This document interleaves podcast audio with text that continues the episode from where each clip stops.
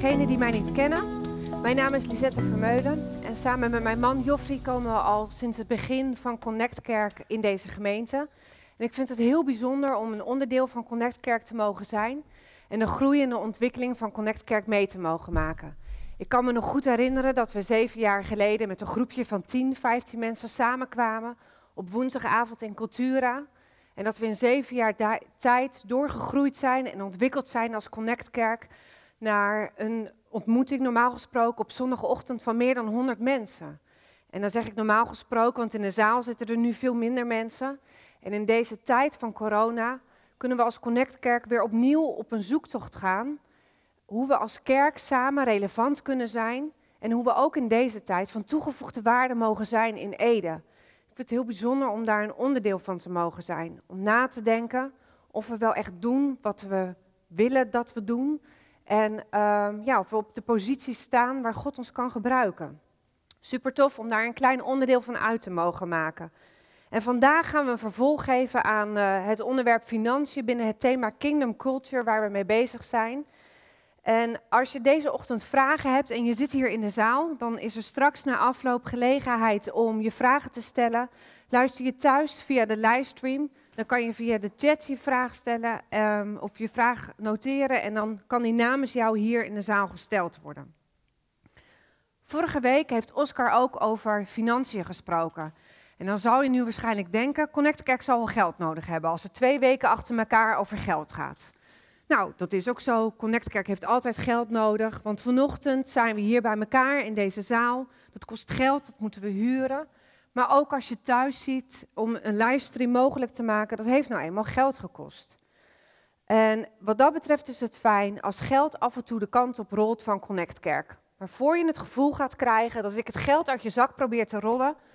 We zijn eigenlijk niet geïnteresseerd in hoeveel en of jij geeft aan Connect Kerk. Want als Connect Kerk hebben we niet ons vertrouwen in jouw portemonnee gesteld, maar in de portemonnee van God.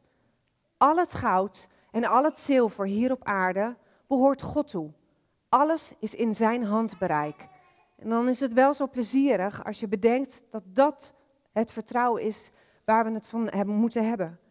En als je je realiseert dat God je bron is voor alles, dan komen we nooit iets tekort. Nou, ik ben gewend om vaak en veel over geld te praten. En niet zozeer over mijn eigen geld, vooral over het geld van anderen. Dan zou je misschien denken, maar ik zal het uitleggen. Ik ben opgeleid en afgestudeerd als accountant en ik werk nu zo'n 17 jaar in het accountancyvak. Dus wat ik doe voor mijn werk is dat ik vaak met ondernemers ga zitten. En de laatste jaren heb ik me vooral doorontwikkeld als coach voor ondernemers. En dan gaan we praten over de doelen die een ondernemer heeft. En in 9 van de 10 ondernemersdoelen, om die te realiseren, is het belangrijk dat er een financieel plan is. Daar praat ik met ondernemers over en daar adviseer ik dan in. Maar niet alleen voor ondernemers is geld heel erg belangrijk. Voor ons, gewoon als persoon, is geld ook heel erg belangrijk. Een week zonder geld doorkomen is heel moeilijk. Geld hebben we nodig om eten van te kopen, om drinken van te kopen. Geld is nodig om te kunnen douchen en als het buiten koud is om de verwarming aan te kunnen zetten. Het, eigenlijk het enige wat gratis uh, is, is de zon die elke dag opkomt en de regen die af en toe gratis uit de hemel komt vallen. Nou, dat geld belangrijk is, blijkt ook uit de Bijbel. Want als je, ik heb ze niet zelf geteld, maar ik heb gelezen dat als je de Bijbelteksten telt die over geld zijn, dan zijn dat er 3500. Nou zou je misschien denken, de Bijbel is aardig dik en als je erin kijkt zijn de letters klein, dus 3500 Bijbelteksten, is dat zoveel? Maar dat moet je in verhouding zien tot 500 Bijbelteksten die gaan over geloof en over bidden. Dan is 3500 in één keer wel heel veel. Dus blijkbaar vindt God het belangrijk dat wij leren om goed met ons geld om te gaan. Zodat we ons niet verliezen in rijkdom en dat geld geen afgod van ons wordt. Nou, wat staat er dan allemaal over geld in de Bijbel? Je zal begrijpen dat deze ochtend te kort is om 3500 Bijbelteksten langs te gaan met jullie. Maar om jullie een kleine indruk te geven wat er in de Bijbel te vinden is over geld, heb ik een paar Bijbelteksten uitgekozen die ik graag met jullie wil lezen. De eerste is Spreuken 11, vers 24. Hier staat: Wie vrijgevig is, wordt almaar rijker. Wie gierig is, wordt arm. En deze spreuk is geschreven door koning Salomo. En koning Salomo is de meest wijze man die ooit op aarde geleefd heeft. Dus als hij wat zegt, dan moet je opletten. Hier staat, wie vrijgevig is, als je geld weggeeft, dan word je rijk. En als je gierig bent, als je je geld voor jezelf houdt, dan word je arm. Is het je ook wel eens opgevallen dat als je de Bijbel leest, dat het soms bij God precies allemaal andersom lijkt te gaan? In de Bijbel staat wie nederig is, wordt verhoogd. Als je zwak bent, dan ben je sterk. Bid voor je vijanden. En als je sterft, kom je tot leven. En als je geeft, dan word je rijk. Dat zijn de principes van Gods koninkrijk. Dat lijkt soms niet te kloppen met de principes van deze wereld. Maar als je in Gods koninkrijk rijk wilt worden, zou je dus moeten leren hoe het werkt om eerst te geven. In Spreuken 3, vers 9 en 10 staat het volgende. Eer God met al je rijkdom, met het beste van de oogst. Graan zal je voorraadschuren vullen, je kuipen lopen over van wijn. Als we leren om God te eren met onze rijkdom, Hem het beste te geven van wat we hebben en wat er binnenkomt, dan is de belofte vervolgens dat onze voorraadschuren vol zullen zijn en dat onze kuipen over, over zullen stromen. Dus als wij geven, dan komt God zegen vrij. In Lucas 6, vers 38 staat ook een hele mooie Bijbeltekst. En dat is een Bijbeltekst, is een tekst die Jezus zelf uitspreekt op het moment dat hij zijn leerlingen onderwijs geeft. En hier zegt Jezus zelf: Geef, dan zal je gegeven worden. Een goede, stevig aangedrukte, goed geschudde en overvolle maat zal je worden toebedeeld. Want de maat die je voor anderen gebruikt, zal ook voor jullie worden gebruikt. Dus Jezus zegt hier dat als je geeft, als je rijkelijk geeft aan anderen, dan zal er een rijkelijke zegen terugkomen. Als laatste wil ik graag uh, voor nu 2 Korintiërs 9, vers 6 tot 10 lezen. En hier staat, bedenk dit, wie karig zaait, zal karig oogsten. Wie overvloedig zaait, zal overvloedig oogsten. Laat ieder zoveel geven als hij zelf besloten heeft, zonder tegenzin of dwang. Want God heeft lief wie blijmoedig geeft. God heeft de macht u te overstelpen met al zijn gaven, zodat u altijd en in alle opzichten voldoende voor uzelf hebt en ook nog ruimschoots kunt bijdragen aan allerlei goed werk. Zo staat er geschreven: Guld deelt hij uit aan de armen, zijn rechtvaardigheid houdt stand voor altijd. God die zaad geeft om te zaaien en brood om te eten, zal ook u zaad geven en het laten ontkiemen, zodat uw vrijgevigheid een rijke oogst opbrengt. Nou, uit deze Bijbeltekst kunnen we een paar belangrijke dingen leren. Allereerst, geef zonder tegenzin en zonder dwang. God wil dat je blijmoedig geeft. Weet je, als je een kind van God bent en je zal je hele leven geen cent geven aan de collecte, niet aan de kerk of enig ander doel, dan houdt God nog steeds zielsveel van je en zal je het eeuwige leven met hem hebben. Geven is geen voorwaarde om een kind van God te zijn. Ik denk wel dat je je afsnijdt van de zegen die God je hier op aarde al wil geven.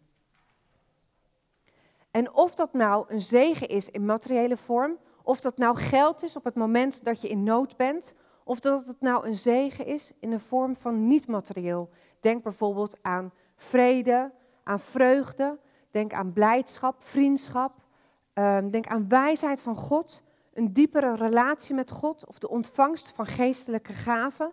Als je de Bijbel leest, dan is de Bijbel daar heel duidelijk over. Als je geeft, komt Gods zegen vrij. En weet je, als je zaken doet met mensen, dan heb je geld nodig. Maar als je zaken doet met God, dan heb je geloof nodig. En hoe werkt dat nou met geloof? Geloof groeit als je regelmatig de tijd neemt om de Bijbel te lezen. Als je de Bijbel leest, dan wordt je geloof groter en dan groeit het. Maar het stopt niet met lezen alleen. Geloof moet je in actie brengen. Als je gelooft dat God gebeden verhoort, maar jij bidt nooit met God, jij praat nooit met God, dan zal je dat niet gaan ervaren in je leven.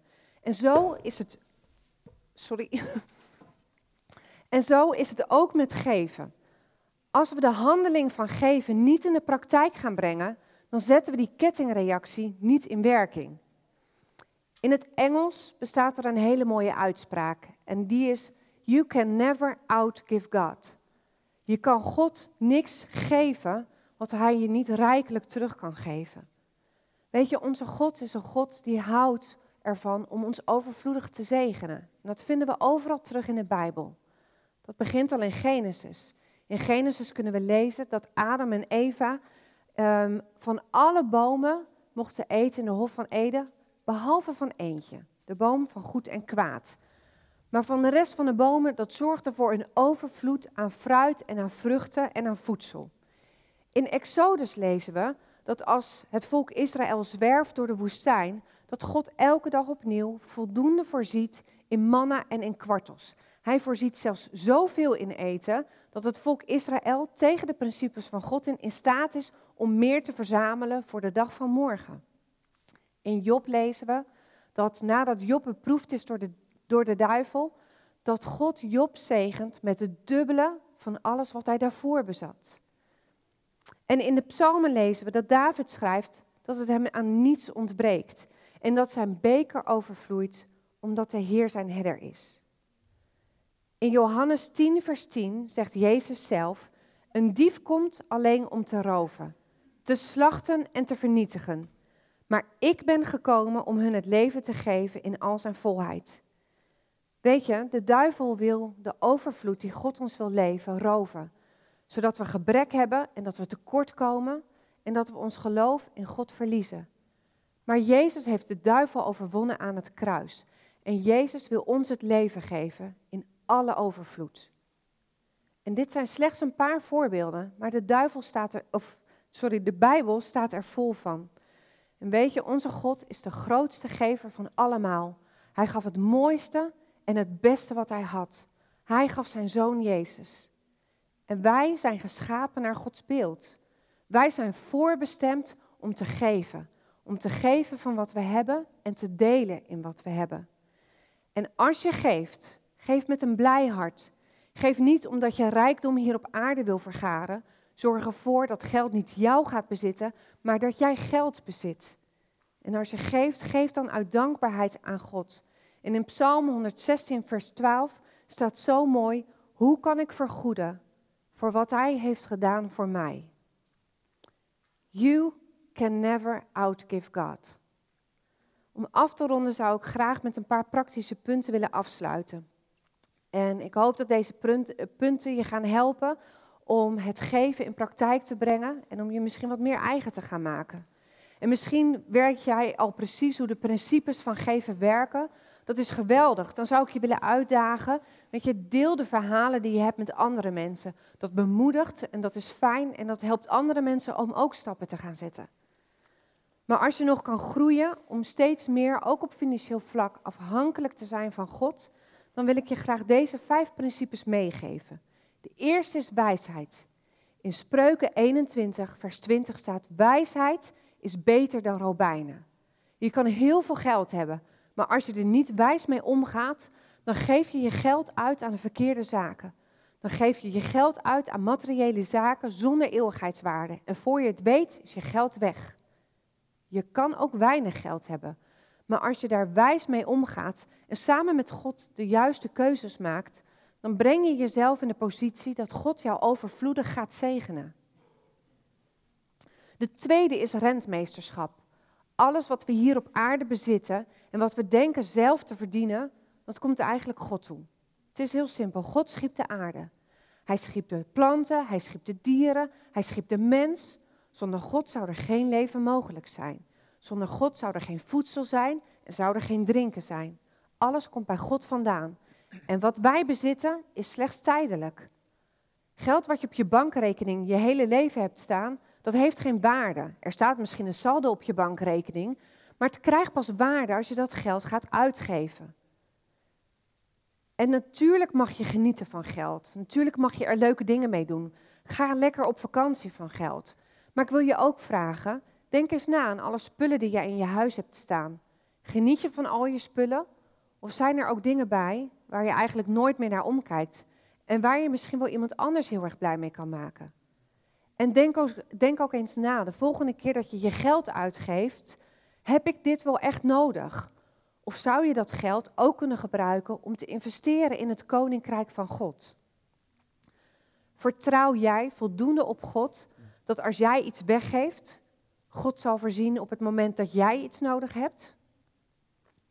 Het derde punt is eerlijk. En dit kan misschien een moeilijk punt zijn voor sommigen, maar ik vind het wel heel erg belangrijk om bespreekbaar te maken. Ga eerlijk om met je geld. Werk niet zwart. In Spreuken 21, vers 6 staat: Wie met leugen en bedrog zijn fortuin wil maken, hoeft niet op succes te rekenen en stelt zijn leven in de weegschaal. Weet je, verdien je geld eerlijk en daar hoort zwart werken niet bij. De Bijbel roept ons op om gehoorzaam te zijn aan onze overheden. En daar hoort het betalen van belasting bij. Belasting, belasting betalen is niet in strijd met Gods woord. Zwart werken gaat tegen de principes van God in en hier rust geen zegen op. In feite met zwart werken wil je jezelf verrijken en wellicht durf je onvoldoende te vertrouwen op Gods voorziening en overvloed voor jouw leven. Ik ben heel goed thuis in de Nederlandse belastingwetgeving en als je vragen hebt over hoe je je geld eerlijk kan verdienen, dan mag je je vragen altijd aan me stellen. Het vierde punt is inzicht. Weet jij welk geld er binnenkomt en waar je geld vervolgens weer naartoe gaat? Als je totaal geen inzicht hebt in je geld, waar het vandaan komt en waar het weer blijft, dan zou ik je willen uitdagen, houd eens een poos bij. Een maand of twee maanden, drie maanden. En maak eens inzichtelijk waar je geld allemaal aan uitgegeven wordt. En als je dat ziet, is dat ook daadwerkelijk waar je zou willen dat je geld naartoe gaat? Is er ruimte om te investeren in Gods koninkrijk waar jouw hart sneller van gaat kloppen? En de vijfde is schuldenvrij. Leef schuldenvrij. In Spreuken 2, vers 7b staat: Wie leent, wordt een slaaf van de uitlener. Koop geen televisie die je niet kan betalen, die je op een lening moet betalen, al is die lening rentevrij. Koop alleen wat je direct kan betalen. Een van de weinige uitzonderingen hierop zou een hypotheek voor je eigen woning kunnen zijn. Maar voor de rest, voorkom schuld en leef schuldenvrij. Ik heb deze ochtend misschien veel verteld en veel gezegd, maar ik denk dat ik over dit onderwerp nog veel meer niet gezegd heb. En als vanochtend iets getriggerd heeft, dan zou ik je willen uitdagen om zelf ook op onderzoek te gaan in al die 3500 Bijbelteksten die je terug kan vinden in de Bijbel. En ga op onderzoek uit hoe je dit kan toepassen in je eigen leven. Er zijn ook hele mooie boeken geschreven waarin uitgelegd wordt hoe de Bijbelse principes van het geven werkt. En ik hoop dat, het, dat de zegen van geven ook steeds meer in jouw leven zichtbaar zal worden. Dankjewel. Lisette, als je lekker weer hierbij komt zitten. En ondertussen kun je misschien al. Uh, misschien heb je je vragen doorgezet via de chat. Of iemand hier in de zaal een vraag heeft. Steek gewoon je hand op als je een vraag hebt. Er komt iemand met de microfoon langs. Ik vind het mooi om uh, Lisette te bevragen over alle vragen die we. Uh, kunnen we gelijk even mijn IB-aangifte even doornemen? Hier nu? Ja, oké. is er misschien wel iemand in de zaal die, die al een vraag heeft? Ja, daar komt een vraag. Uh, ja, ik vroeg, ik vroeg mij af, um, waarin staat nou in de Bijbel exact uh, dat je geen uh, lening mag hebben? Want ik kan me voorstellen als je ondernemers adviseert, die leven vaak op leningen om te investeren, om weer later meer te verdienen. Ja, nou dat is een goede vraag. Um, wat ik net ook zei is dat sowieso denk ik dat een van de weinige uitzonderingen op uh, het maken van schulden, bijvoorbeeld de eigen woning, uh, een hypotheek op je eigen woning zou kunnen zijn. Um, ik vind het ook wel een verschil als een ondernemer geld nodig heeft om vervolgens te investeren in zijn onderneming um, om door te kunnen groeien. Dus ik, ik zei net eigenlijk bewust een van de weinige uitzonderingen. Ik wil niet zeggen dat een hypotheek op de eigen woning de enige uitzondering is. Dit zou ik ook een uitzondering vinden. En in de praktijk gebeurt dat natuurlijk ook veel. Kijk, iets anders is als een onderneming geld nodig heeft of moet lenen omdat hij verkeerde keuzes maakt.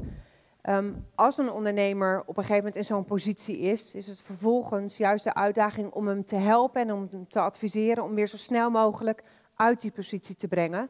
Want ook voor ondernemers ben ik wel van mening dat als je schulden moet maken omdat je verkeerde beslissingen hebt genomen, nou ja, dat is gebeurd. Maak dan een plan om te zorgen dat je weer zo snel mogelijk schuldenvrij bent. Dus het gaat echt om een soort vorm van overmacht. Dus stel je voor, uh, je dak valt in elkaar, uit, in elkaar van je huis en je kan het niet in één keer dichten met het geld dat je hebt. Dan ga je niet in een kleedje zitten heel lang in de regen, maar dan ga je natuurlijk geld lenen om het dak te repareren. Ja. Dat soort situaties, zeg maar. Ja, ik denk zeker dat er situaties mogelijk zijn waarin dat wel van toepassing is. Maar niet voor luxe of voor gewoon, ik wil graag een dikke auto, dus ik ga nu lekker lenen, zeg maar. Uh, nou ja, weet je, allereerst zou ik willen zeggen dat het, het is wel een persoonlijke zoektocht voor iedereen. Maar voor een dikke auto zou ik een ondernemer niet snel adviseren om daarvoor een lening aan te gaan. Nee. Nee, nee dus, dus de Bijbel staat niet hard, maar er staat meer van pas op, je wordt slaaf van uh, de lening als je dat doet. Dus ja. wees heel bewust van wanneer je het doet. Ja, zorg dat je geen slaaf van de uitlener wordt. Juist. Ja, ja. Oh, ja. helder. Dankjewel voor je vraag, dankjewel voor het antwoord. Gelijk ook een vraag die, die doorkomt. Um, deze boodschap lijkt vooral te gelden voor mensen die genoeg inkomen hebben. Wat als je elke maand aan het rekken bent om rond te komen? Ja. eigenlijk ook de vraag van hoeveel moet je geven dan eigenlijk? Ja, nou dat is een hele goeie. Kijk, er zijn twee dingen. Um, ik denk dat je kan geven in geld en in tijd. Het hm. een sluit het ander niet uit. Maar ik denk dat het belangrijk is om te geven vanuit overvloed. Zeker als je uh, nog aan het begin staat van het ontdekken hoe dat nou werkt met God. Ga niet geven wat je niet hebt. Ja, een van de belangrijke dingen die ik ook genoemd heb, is ga wijs met je geld om. Um, en dat zijn moeilijke situaties. Als je niet kan rondkomen elke maand of als je daar moeite mee hebt. Um, een van de dingen wat ik ook belangrijk vind om te zeggen, wat ik net ook las in het stuk van wat Paulus zegt, voel je niet gedwongen om te geven. Mhm. Weet je, het moet geen moeten worden. Geef blijmoedig, met een blijmoedig hart, uit dankbaarheid naar God toe en geef vanuit je overvloed. En als het geld op is, dan is het geld op. En dan mag je weten dat dat geen voorwaarde is voor je, om liefde van God te ontvangen. Of weet je, dat God dan minder van je zou houden. Mm -hmm. Mooi. En hoe gaat de kerk om met het geven van geld? Mooie, mooie vraag. Geef Connect ook weer tiende weg? Um, dus ik denk dat ik niet helemaal in de positie ben om daar een antwoord op te kunnen geven. Ik uh, ja, zou, denk eigenlijk dat het een goede vraag is om aan het bestuur van Connect Kerk uh, te stellen. Um, ik weet wel dat op de website van Connect Kerk um, de cijfers van de afgelopen jaren en ook een begroting voor het komend jaar gewoon inzichtelijk zijn. Ja. Dus ja, ja, dit is dus geen geheim als ik kijk van wat doen we eigenlijk met het geld, want er vraagt natuurlijk altijd om geld. dat is een, een, goed teken. Maar weet je, vanuit, stel die vraag ook inderdaad, want check eventjes. maar ook als Connect willen we geven. dat doen we door verschillende projecten. Soms veranderen de projecten waar we aan bijdragen. Maar en zeker is dat ook voor een Connect Kerk iets waar we over na moeten denken en mee bezig zijn. Maar ja, ja mooi. Mooie vraag. En je noemde net in je preek noemde je, eh, was al een grappige, zaken doen met God. Wat bedoel je eigenlijk daarmee? Um, ja, zaken doen met God is eigenlijk, wat ik daarmee bedoel te zeggen, is gewoon je wandel met God. Het leven wat je leeft en alle keuzes die je maakt. Um, denk ik dat het mooi is om dat zoveel mogelijk samen met God te doen. Mm -hmm. Dus als je zaken doet met mensen op het moment dat je bijvoorbeeld als ondernemer of gewoon als persoon um, iets met mensen wil bereiken of je wil iets kopen, dan heb je geld nodig. Maar als je met God een avontuur aan wil gaan in je leven, heb je eigenlijk voornamelijk geloof nodig. Mhm. Vertrouwen dat het goed komt. Ja. En, uh, en je leert ook stapje voor stapje. Ja, ja zeker. Dat, uh, ja. Weet je, ik, ik, heb ooit een keer iemand horen zeggen, je krijgt steeds meer geloof voor een, voor een, een extra nul achter, voor de komma. Dus dat je moet groeien in, je hebt eerst geloof voor 10 euro, misschien heb je dan voor, voor 100 euro. Ja, nou, dat is ook een belangrijke. Je hoort soms echt hele mooie verhalen van mensen die in nood zijn en nog maar een heel klein beetje hebben wat onvoldoende is voor mhm. hun nood. En die dat dan weggeven. Mhm. En vervolgens komt het goed. En ik geloof dat God ook op die manier werkt. Ik geloof dat die verhalen waar zijn. Alleen wat ook belangrijk is, vaak zijn dat mensen die al heel lang met God ook onderweg zijn. En die geloof hebben zien bouwen, zien groeien door eerdere kleinere ervaringen. Dus neem geen tien stappen tegelijk, maar begin gewoon stap voor stap. En zie dat je geloof groeit door de ervaringen die je Ja. met God mee gaat maken. Ja. Ja. en ook wa- wat, wat Oscar vorige week in zijn preek ook noemde, weet je, praat erover met God. Vraag van wat kan ik doen of hoe kan ik, Ja. en hoe moet ik ermee omgaan. Ja, Ja. Mooi. mooi. Is er nog een andere vraag vanuit de zaal? Ja.